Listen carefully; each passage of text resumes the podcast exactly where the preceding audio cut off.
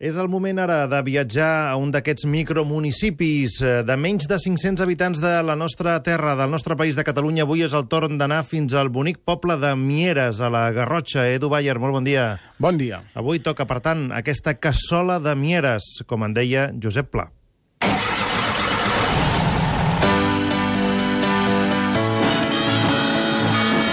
Viatgem per la microcatalunya.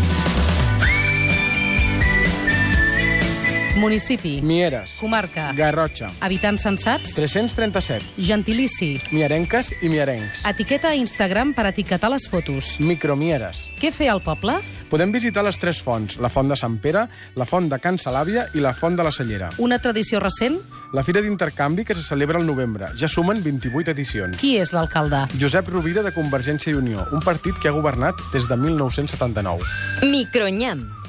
Avui, Edu, parlem d'una família que ens has dit que escolta molta ràdio mentre treballa, els flaquers de Mieres. Sí, són, són gent que s'hi posa molt d'hora. La família de flaquers de Can Casals. El Manel s'ocupa del forn i de la llenya. Eh, la Neus ajuda en la producció, però és la que controla sobretot els números. I l'Ester, que és la filla, se n'ocupa sobretot de la venda. Home, aquests són dels, dels nostres, dels que comencen a treballar quan encara és de nit, no? I tant. El primer en posar-s'hi és el Manel, que quan encara és fosc prepara amb farina de banyoles la massa que cal deixar reposar una estona.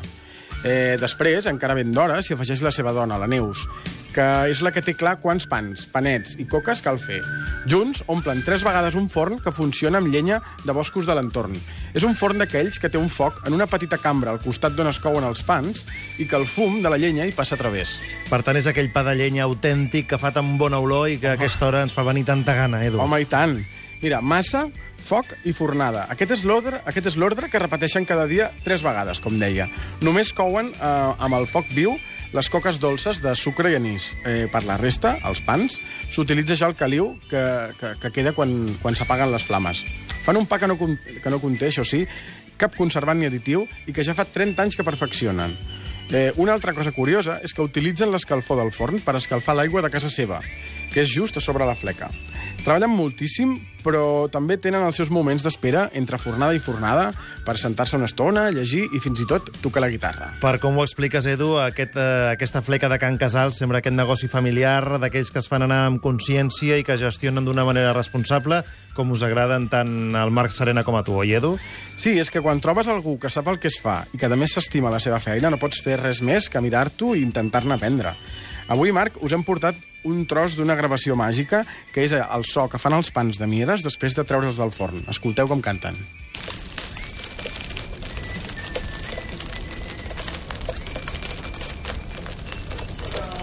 També m'agradaria que portessis un pa de mieres i que poguéssim escoltar aquí com cruixeix quan ens el mengem. No n'has portat cap bocí, no? No, això ara quan tinguis un cap de setmana fas cap a la Garrotxa i allà trobaràs el Manel, a la Neus i a l'Ester. Quina llàstima. La microimatge. De Mieres eh, destaquem una, una fotografia de l'Edu, que és una masia que sembla molt antiga.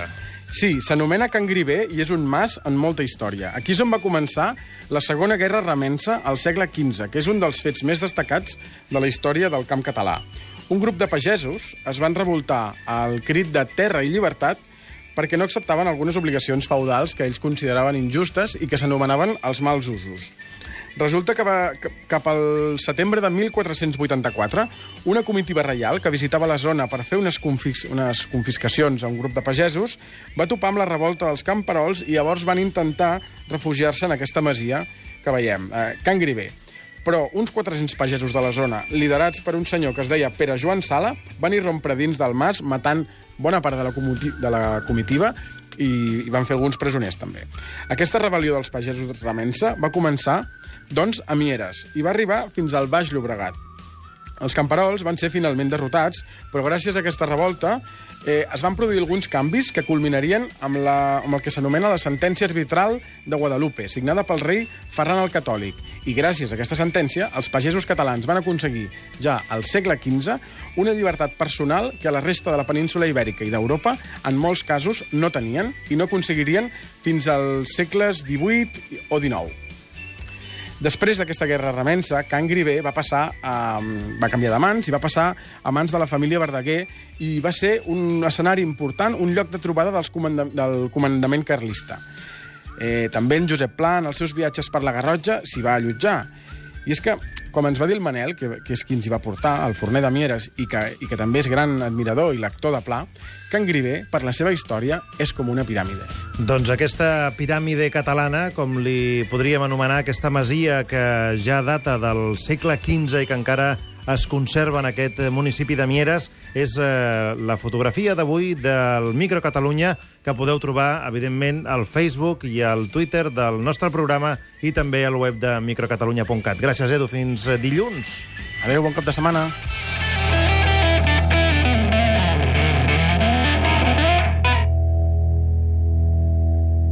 Carburant Shell Fuel Safe, dissenyats per reduir el consum, patrocinen aquest espai. El microcatalà. A l'Edu, que sens dubte el tornarem a saludar demà. Ens hem avançat amb això del cap de setmana, ens ha fet aquesta lliçó d'història. Avui parlem de Mieres, que és un poble que en els últims anys ha deixat de ser agrícola per tenir a gent que treballa en moltes feines diferents. Ara fa 15 anys que hi va instal·lar el seu taller en Carles Martí, que és barreter. Carles, molt bon dia. Molt bon dia. Què va fer que instal·lessis Maco Maco Barrets a la teva marca Mieres? Doncs mira, una casualitat de treballar amb fires per l'Empordà i tot plegat, doncs mira, em va agradar molt el paisatge a la Garrotxa. De fet, el meu pare ja hi treballava a les planes d'Hostoles, i això m'ha fet doncs, enamorar-me d'aquest paisatge i tenir el taller aquí. I això de Maco Maco, aquest nom, què vol dir? Que realment són molt macos els teus barrets? Exacte, exacte. És el que diu la gent quan, eh, quan els veu i se'ls prova. Uh, podríem dir que els barreters avui en dia a Catalunya es deuen comptar amb els dits de les mans, no? Molt pocs, molt pocs, molt pocs. Però, vaja, convindria que n'hi haguessin uns quants més, això sí. I això, on, on has après l'ofici, doncs? L'ofici he hagut d'anar a França. A França és on he trobat una escola una mica doncs, eh, competent que em pogués ensenyar doncs, aquest ofici i, vaja, aquí bastant difícil. Tenen sortida aquests barrets? Perquè, clar, mm, aquí a Catalunya, potser aquest estiu no, que està sent força fresquet, però de tant en tant hi ha força calor. No sé si les vendes van prou bé.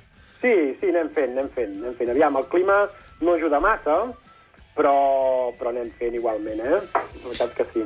De fet, l'estiu, encara que sembli mentida, és la teva temporada alta perquè poses una, una paradeta al Port Vell de Barcelona, oi? Correcte. Sí, allà tota la producció, la veritat és que l'estem venent en allà i la venem molt bé, sobretot tot el turisme eh, eh, li agrada molt i, i necessiten, vaja, per aquest sol, quan fa sol, clar.